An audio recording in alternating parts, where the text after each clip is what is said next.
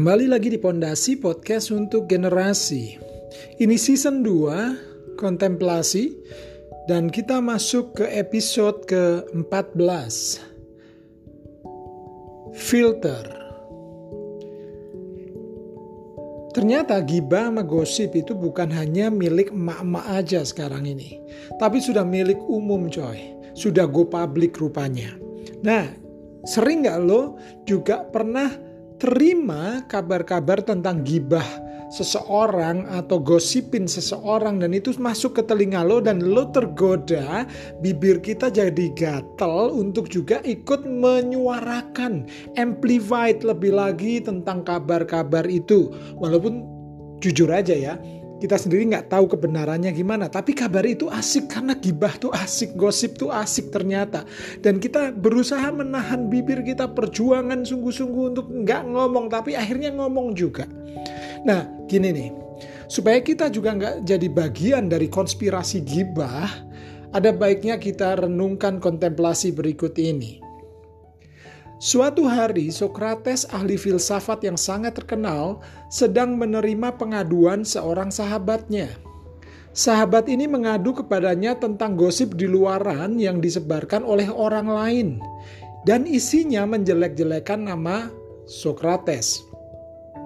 Menghadapi gosip ini, Sokrates bertanya kepadanya, Apakah gosip yang kamu dengar dan laporkan kepadaku ini sudah kamu uji melalui tiga filter?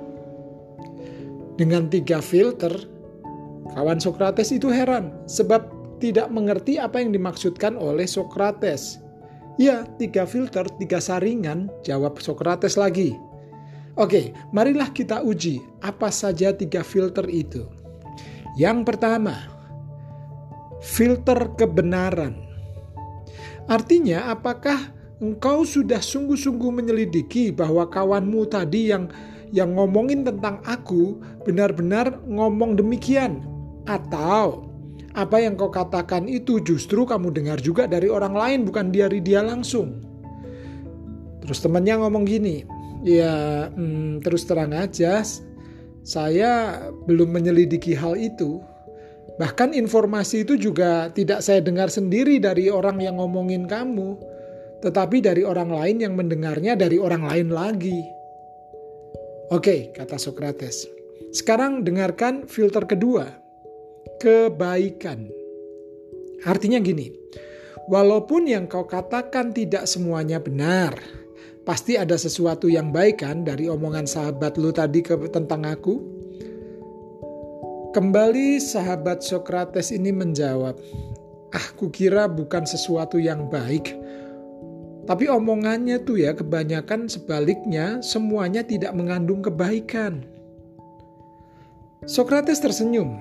Sekarang dengarkan filter ketiga yaitu faedah. Apakah yang kau ceritakan kepadaku itu ada faedahnya atau tidak?